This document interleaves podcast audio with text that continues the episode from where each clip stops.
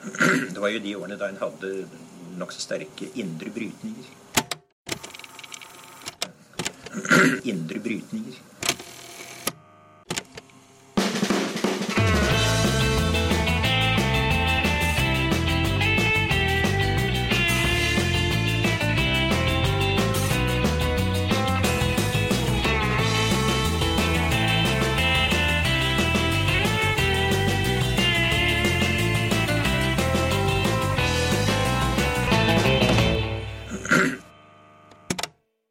Velkommen til Noen har snakket sammen. Mitt navn er Tiril Rustan Halvorsen. Og jeg heter Aksel Fjellavli, som, som vanlig. Eh, I dag skal vi få besøk av eh, Kari Elisabeth Kaski, som sitter i finanskomiteen på Stortinget for SV.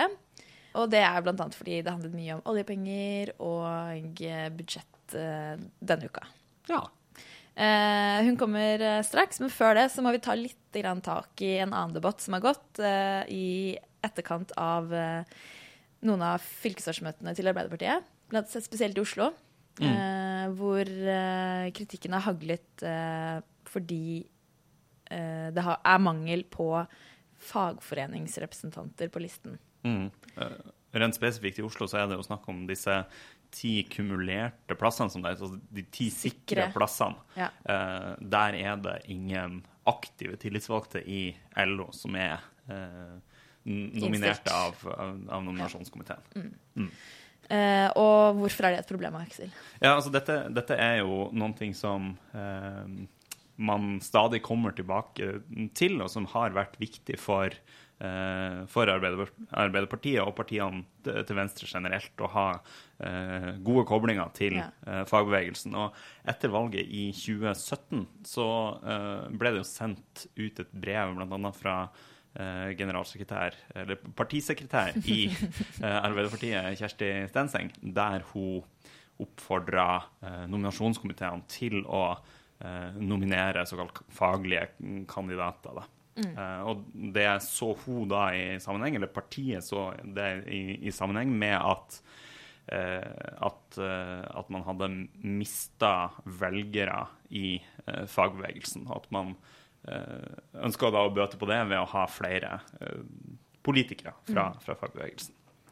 Og dette kan jo virke som en slags Eller det handler om representasjon, men ikke bare for, for syns skyld, på en eller annen måte. Eh, Det er flere fordeler med å ha sånne representanter på listene sine. Ja, jeg, jeg tenker jo det eh, kan knyttes til tre ting, egentlig. Eh, for det første så eh, blir jo disse eh, Altså hvis man har aktive tillitsvalgte i LO som politikere, så blir det jo et rotfeste i arbeidslivet. ikke sant? Her er det eh, altså fagbevegelsen som har eh, hundretusenvis millioner av medlemmer rundt omkring på arbeidsplasser i, i hele landet. Tillitsvalgte som kjenner arbeidslivet godt.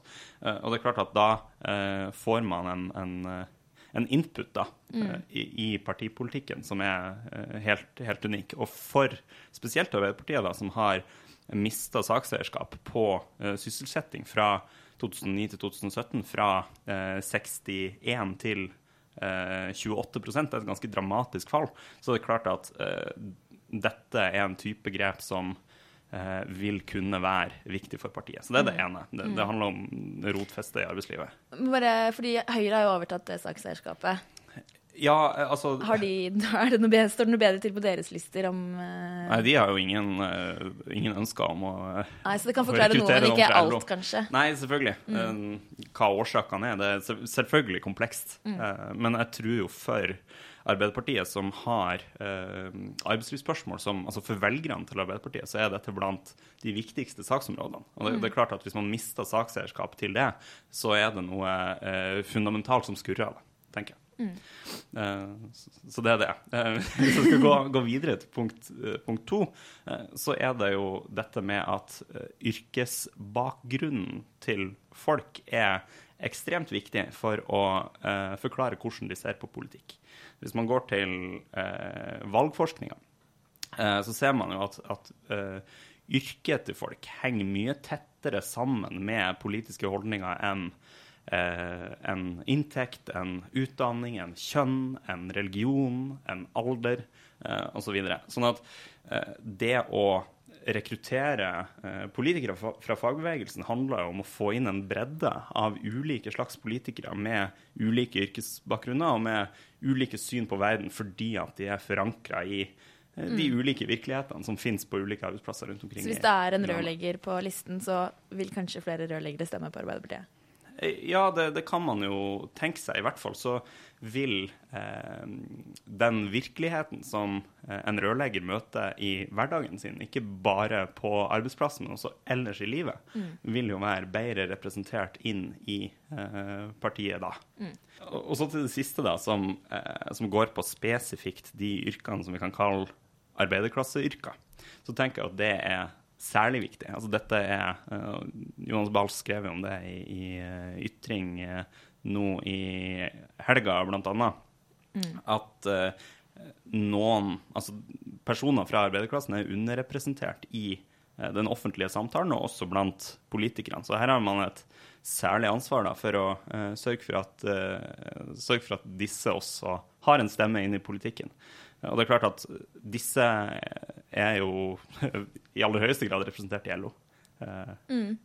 Altså, til, til tross for disse fordelene og også denne marsjordren fra Kjersti Stenseng, så er det, har ikke Oslo fulgt det. Og i Bergen også så har det vært en strid om to ulike toppkandidater. En med støtte fra fagbevegelsen og en fra ikke. Som en Roger Valhammer, som da ikke hadde den største støtten, i hvert fall fra arbeiderbevegelsen, eh, vant. Så det er mulig de ikke har tatt den på alvor helt. ja, nå, nå er det klart at Nå er hun på andreplass, da, så nå er jeg i hvert fall på ja, ja, ja, hun er på lista. plass, men og, ja. og i tillegg så er det jo en, en forskjell på hvilke kandidater fagbevegelsen støtter, Støtter. og kandidater som er aktive tillitsvalgte i fagbevegelsen. Raimond Johansen eksempel, er jo også en som eh, fikk, eh, fikk støtte fra eh, jeg håper si Jan Eggum, Jørn Eggum i, i eh, Fellesforbundet, eh, fordi at det, han er en som de har stor eh, tillit til. Mm. Eh, men det er jo en forskjell på det å være aktiv i, i fagbevegelsen og ha liksom de helt friske perspektivene på, på arbeidslivet. Mm. Um, så skal det jo sies at dette er jo ikke bare en oppgave for partiene. Fagbevegelsen må jo også eh, step up their game Ja. og skolere og gjøre klar personer til å også ta politiske verv. Og det er vel ikke bare Arbeiderpartiet heller på venstresiden som synder på dette feltet? Nei, på langt nær. Eh, Nei. altså, også i SV og Rødt er jo det, det her er en utfordring. Eh, det er mange med høyere utdanning som står på listene, og det er mange med høyere utdanning i befolkninga også, så det er streit, det. Men det er viktig at eh, alle slags folk eh, er politisk aktive. Ja, da kommer som sagt eh, Kari Elisabeth Kaski eh, til oss. Det virker som at Norge blir mer og mer oljeavhengig. Ja, det er jo ikke bra. Nei.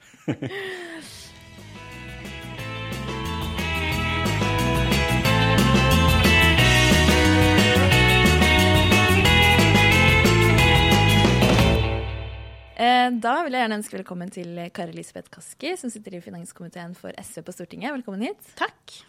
Um, du er jo her bl.a. fordi uh, det viser seg at Norge blir mer og mer oljeavhengig.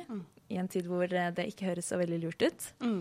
Uh, og dette ser vi fordi det blir brukt mer og mer penger fra oljefondet. Mm. Vi har en handlingsregel, men det er ikke så enkelt likevel som å holde seg unna, under den.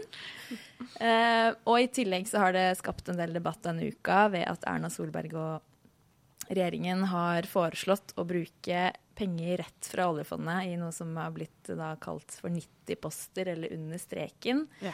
på å bygge nytt regjeringskvartal og, og kjøpe en ny fregatt, eller reparere den gamle, eller et eller annet sånt.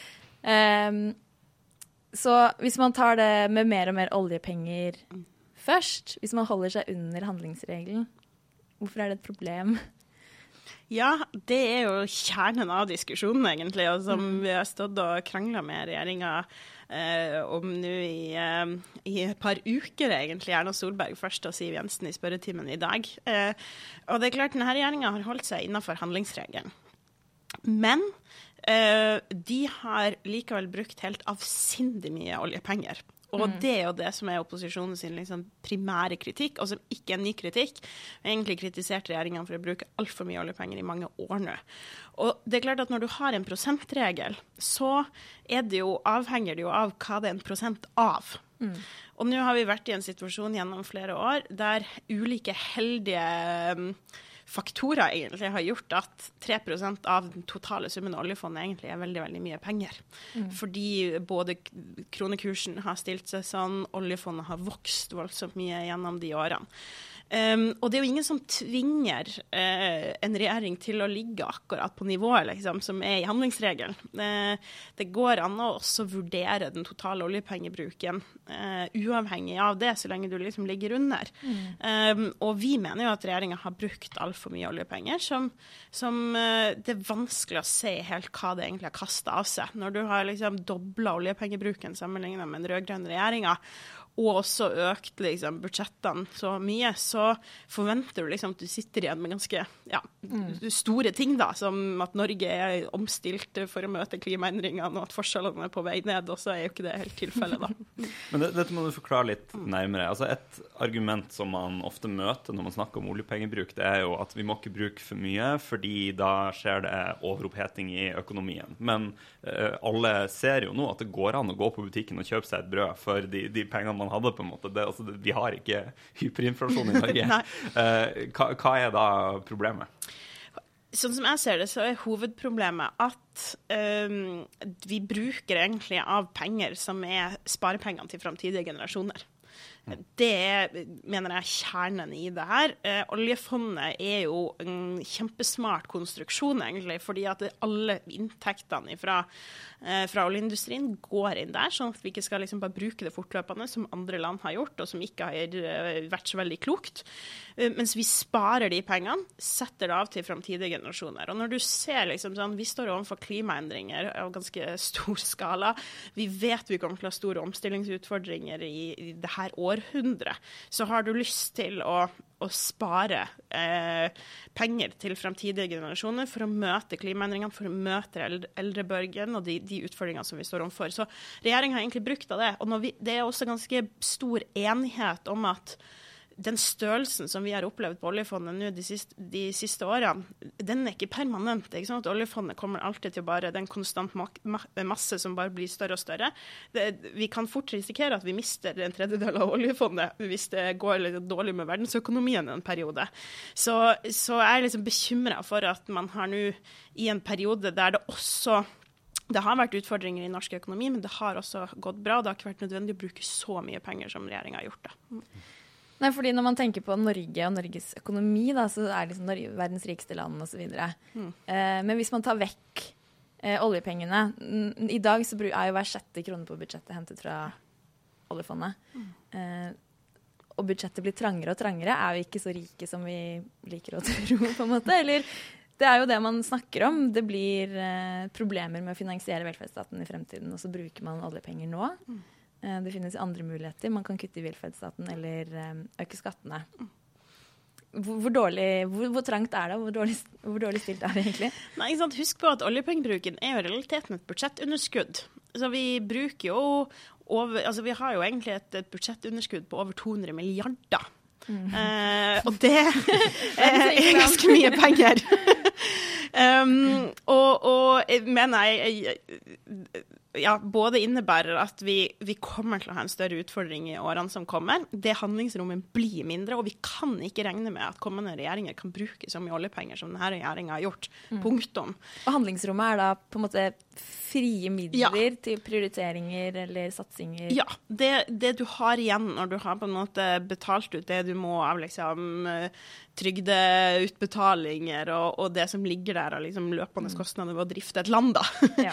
Eh, Så rom til satsinger, også type håndtere klimaendringene, til å be, få til bedre utjevning, til å eh, gjøre nye, større investeringer i Norge, enten det er snakk om i utdanningssektoren eller i samferdsel, ligger der. Liksom, det er handlingsrommet vårt. Og, og det kommer til å bli mindre i årene som, som kommer. og og som du er litt inne på, vi er jo liksom ganske, når så stor andel av budsjettet er oljepenger, så er vi også enda mer oljeavhengig. Eh, og det er klart at oljefondet i seg sjøl påvirkes av hvordan det går med oljeindustrien, hvordan det går med verdensøkonomien, men det gjør den totale økonomien i Norge også. Så jeg er også liksom bekymra for hva som skjer i det neste tiåret hvis oljeprisen faller dramatisk, eh, og man ser at verden driver og omstiller seg vekk fra olje og gass. da.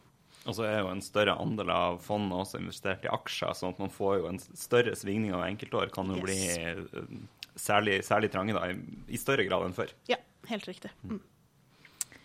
Eh, og så og så er det jo en eh, Det blir en konkurranse blant eh, partiene på Stortinget om å være ansvarlig. eh, og da mener man jo ofte å bruke minst oljepenger. Og SV bruker jo minst oljepenger av alle partiene på Stortinget. Ja. Eh, ikke så mye mindre, men litt mindre. Er, er grensen mellom ansvarlig og uansvarlig et sted mellom, mellom der, eller er det andre Eh, Det, er det, sikkert, det vil det sikkert være ulike svar på. um, men jeg er jo opptatt av at uh, det er ikke på en måte et symbol på å være mest mulig radikal da, og bruke mest mulig penger. Uh, man må prioritere og være tydelig på prioritering og på omfordeling. Um, og vi omfordeler veldig mye i vårt budsjett. Uh, fra de rike til fellesskapet, fra privat til offentlig. Det er liksom en omfordeling der som, som jeg tror også er viktig. Og så er det jo en ganske spesiell situasjon. Jeg tror aldri, aldri skjedd før at du har hatt en, en regjering som har opplevd unison kritikk fra opposisjonen for å bruke for mye penger. det, er ganske, det er en ganske spesiell situasjon, og det sier jo noe om den situasjonen vi har vært i med den regjeringa her. Og når de da i tillegg nå åpner opp for å ta å gjøre liksom nye Altså at du skal ja, kjøpe en ny fregatt eller bygge et regjeringskvartal, bare hente ut penger ut av oljefondet, så åpner du en helt ny dør, egentlig. For da kan du finne alle slags mulige gode tiltak som vi plutselig ikke skal liksom ha, være gjenstand for en ordinær prioritering i budsjettet, eh, men heller bare liksom at vi åpner sparebøsser og, og tømmer av det. Og det tror jeg er en kjempefarlig utvikling. Det er jo en, kanskje en enklere eh, løsning for de enn å øke skattene. Som, Ja, og det skjer jo. Altså, de har jo økt eh, oljepengebruken samtidig som de har kutta skattene med 25 milliarder i sum. Eh, så i, i hvert eneste år nå får vi 25 milliarder mindre inn til fellesskapet og inn til å bruke eh, på, eh, på omfordeling, på satsinger i budsjettet. Og det er klart, det er en kostnad. Det må også regnes inn som en kostnad. Og så kan mm. høyresida si at det igjen gir økte inntekter på sikt eller skaper arbeidsplasser, men, men de tallene har vi ikke i dag. og de klarer ikke å liksom legge fram konkrete tall på at det gjør det. Så i realiteten er de skattekuttene en kostnad. Vi har mindre inntekter inn, eh, og deler av de, de skattekuttene har blitt finansiert av, av, oljepenger. Så det er liksom du skuffer penger inn til private lommer, mm. mens du tapper av, av framtidige generasjoner sin sparebøsse. Mm. Men det er fortsatt bare øh, en del av øh, oljepengene som har gått i skattekutt. Det er fortsatt en del penger igjen. Ja. Um, og det er vel en utfordring alle partiene står overfor. Hva, hva skal man, hvor skal man kutte, eller hva skal man nedprioritere? Eller hvordan, hvordan skal man få bedre, skape seg et større handlingsrom i fremtiden? Mm. Jeg tror det er, For det første må man starte med å, gjøre prioriteringer. Hva er det som er viktigst fremover? Hva er det vi må få til? Uh, og Der vil jo ulike partier ha ulike prioriteringer, men det er jo noe som jeg er opptatt av internt i SV også. at det å bare bruke mest mulig penger er liksom ikke et, ja, det er ikke et mål på radikalisme. Du må være villig til å prioritere de tiltakene som gir størst effekt. Og, og for oss i SV så er jo noen av de svarene er jo nye store velferdsreformer som vi mener at trengs. Heldagsskole, økning i barnetrygda og omstilling av Norge ut av oljetida og inn i klimatida. Og at vi, det er viktige prioriteringer for oss. Så, og, og i den diskusjonen der, da, der jeg blir liksom bekymra når regjeringa åpner for å, å, bare åpne sparebøsser eh, til, til, ting som regjeringskvartal og fregatt. fordi at også de tingene må være en del av den prioriteringsdiskusjonen. Eh, det vi bl.a. har sett eh, regjeringa har brukt veldig mye penger på gjennom de siste eh, årene, og siden 2013, er jo samferdsel enorm vekst i investeringene i samferdsel. Er det riktig på sikt? Jeg eh, tror at vi må tørre å diskutere også den type investeringer, særlig de store motorveiprosjektene, opp mot hva vi skal bruke på skole, f.eks.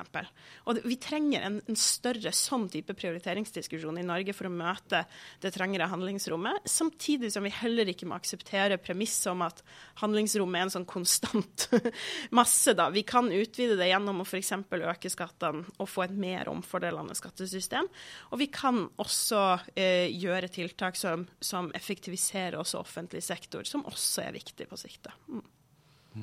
Det, er jo, det, er jo, noen av disse tingene man eh, Altså når man prioriterer bort ting Man risikerer jo å måtte gjøre ting som er enormt upopulære. Eh, ting som handler om eh, økt arbeidsdeltakelse, f.eks., som, Mm. som der man både kutter i trygdeutgifter og får inn større skatteinntekter. Mm. Eh, si heve pensjonsalder, f.eks. Eh, det er jo noen ting som antagelig vil komme opp i diskusjonen, i hvert fall på et tidspunkt. Og der vil vel SV ha en, en, en slags utfordring med å akseptere det. Ja, vi vil jo ikke være helt enig i at du ehm, Eller i hvert fall ikke akseptere alle premisser. Sånn, jeg tror at det er lurt å tilrettelegge for at du har en eller annen form for eh, levealdersjustering i pensjonen, f.eks., eller sørge for at folk kan stå lenger i arbeid i takt med at levealderen øker. Men, men jeg aksepterer ikke premisset om at det er liksom avgjørende for at vi skal ha råd til å finansiere velferden vår. Eh, og det er jo det som høyresida egentlig har klart å, å slå veldig sånn fast, at vi, vi må alle jobbe veldig mye mer. Eh, trues med liksom eh, 40 timers uker eller enda mer, og at vi skal jobbe til vi er 70 år. Men det er jo basert på eh, et en et perspektivmelding som tar for gitt at det private forbruket skal tredobles inn mot 2060. Så vi må gå inn i de premissene som ligger her også, og det er helt uten å diskutere omfordeling i samfunnet. I dag så er det liksom store, store gevinster som hentes ut av f.eks. effektivisering i arbeidslivet med bruk av ny teknologi og digitalisering, som nesten utelukkende eh, havner i lomma til de som eier selskapene, eller som er sjefene der.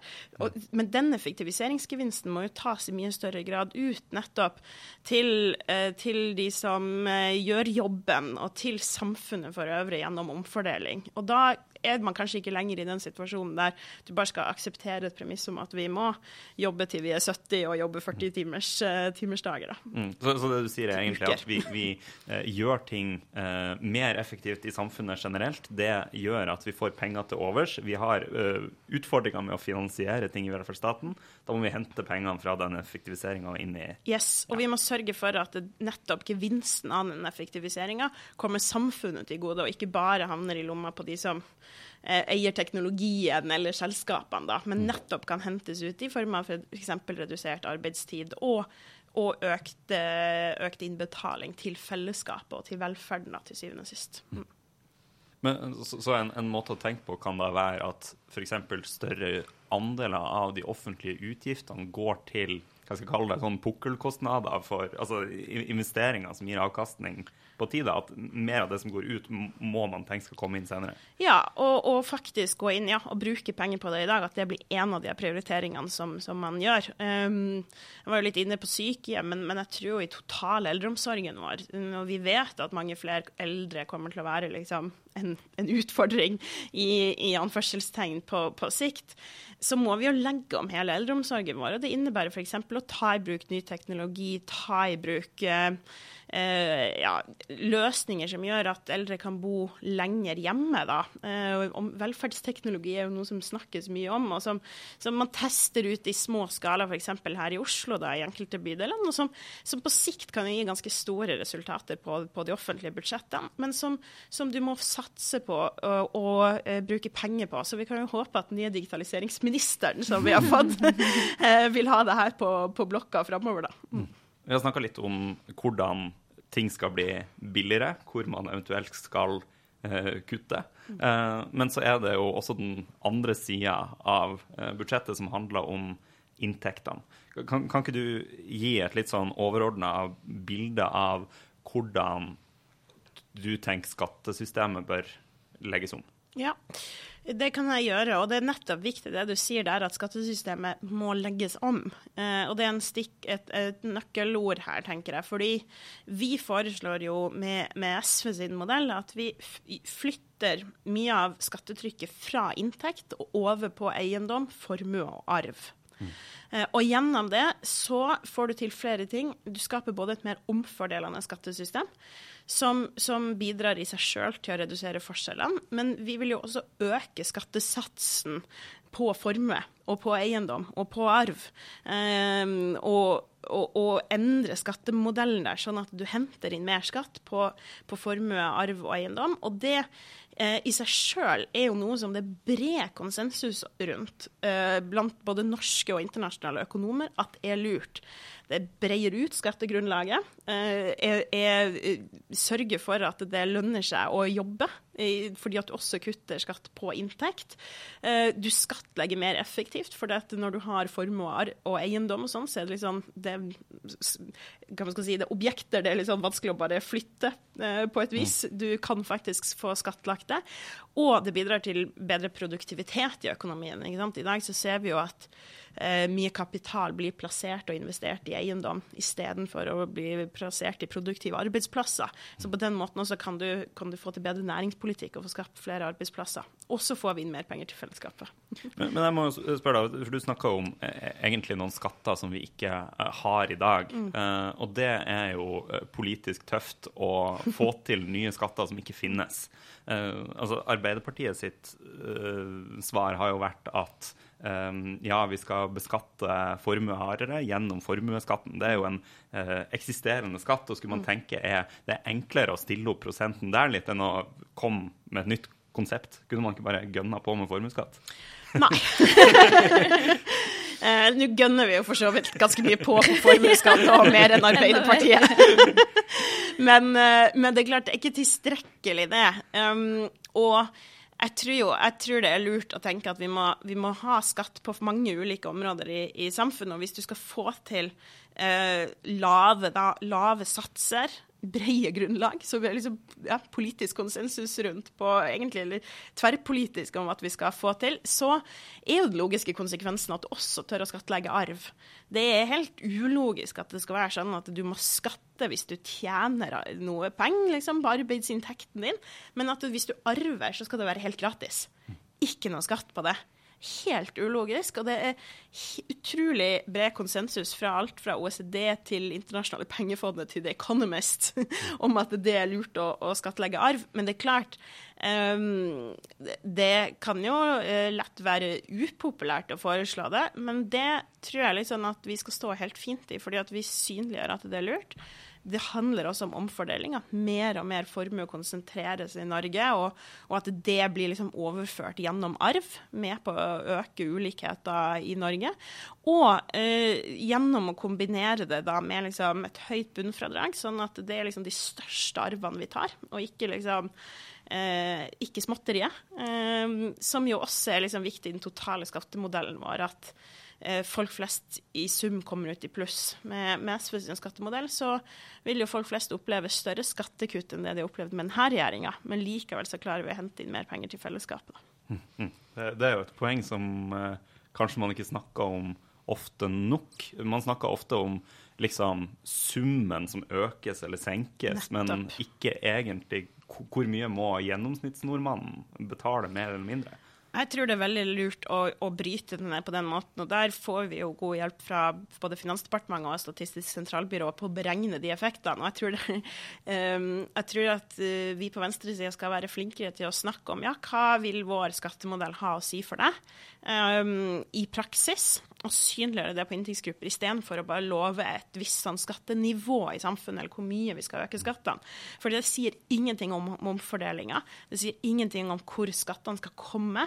Eh, og det sier heller ingenting om hva du skal bruke de pengene på. Og det skal vi også snakke om, at det skal gå til faktisk flere lærere, og til å øke barnetrygden, og, eh, og til å investere i grønn teknologi. Og det, det henger så tett sammen. Og det, da tror jeg folk vil være med å valgseieren til de rød-grønne i Oslo i 2015 2015 viser at det er mulig å vinne valg på å gå til valg på å øke eiendomsskatten, eller til å innføre eiendomsskatt, mm. fordi man klarte også å kombinere det med hva man ville gjøre det, mm. bruke pengene på. da.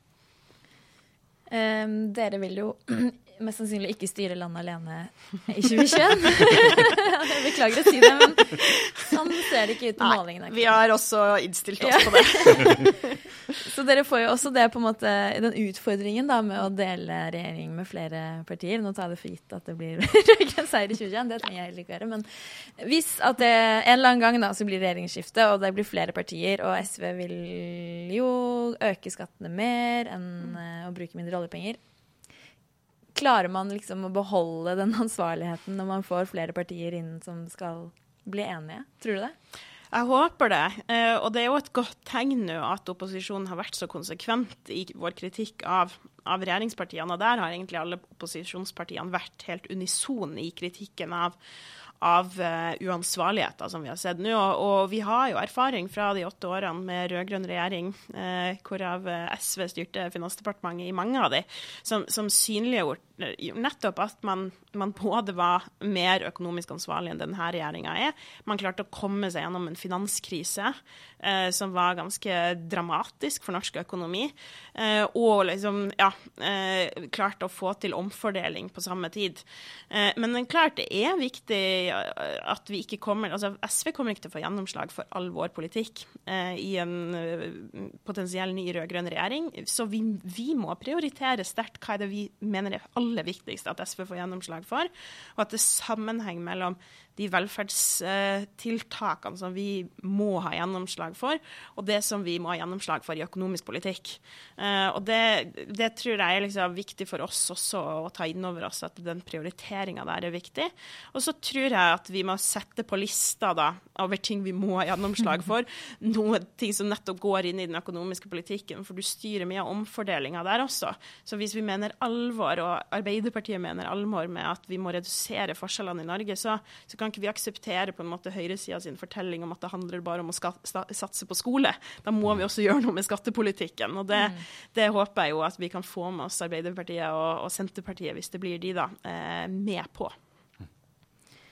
I Agenda så pleier vi å si at vi har råd til framtida. Ja. Eh, men man kan jo bli litt uh, bekymra også.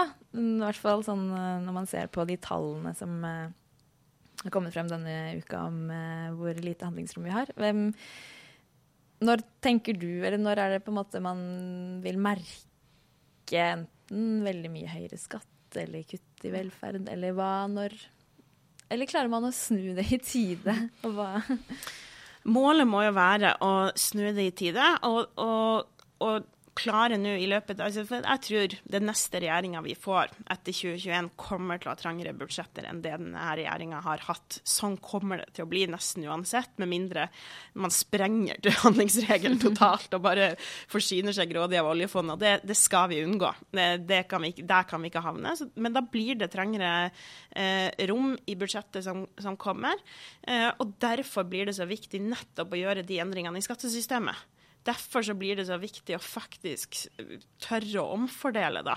Så jeg blir jo litt oppgitt når jeg hører Høyre nå begynner så vidt det er å snakke om økt skatt og, og økte egenandeler, for det er jo bare en forkledd måte å si sånn vi har ikke råd til framtida, vi har ikke råd til velferden, og nå må folk innstille seg på både jobbe lengre og betale mer i økte egenandeler mens du ikke snakker om at du har gitt 1,4 milliarder i skattekutt til den 0,1 aller rikeste delen av oss.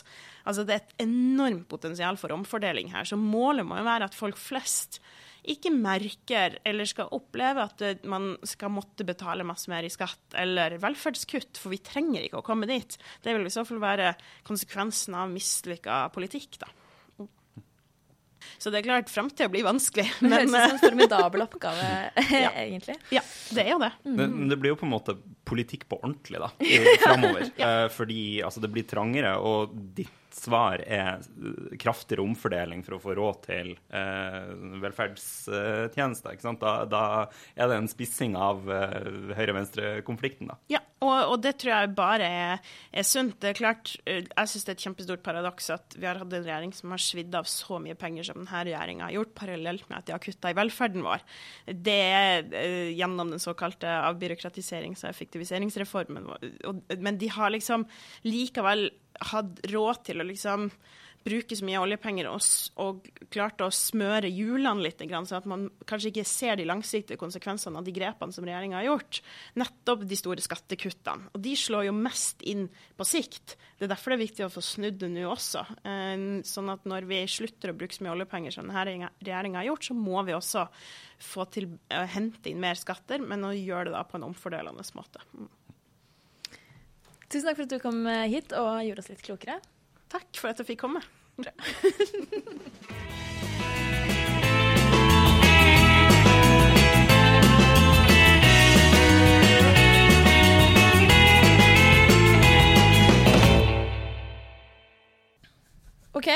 Ehm, da rekker vi å anbefale noe før vi sier takk for i dag. Ja, vi gjør det.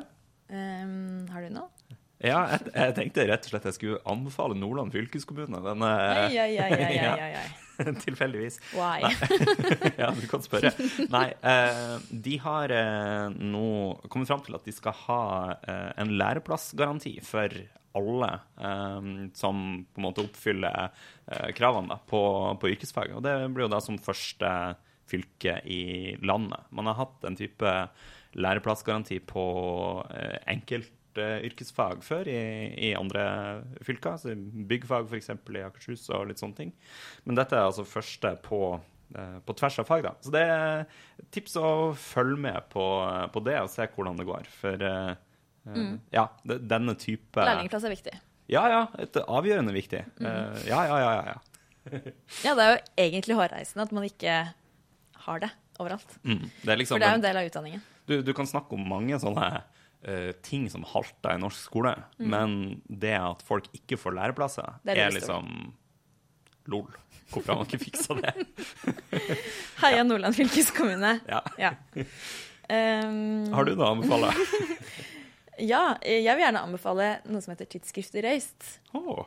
Eh, nå kan jeg gjøre det, for nå har jeg ikke så mye med det å gjøre lenger.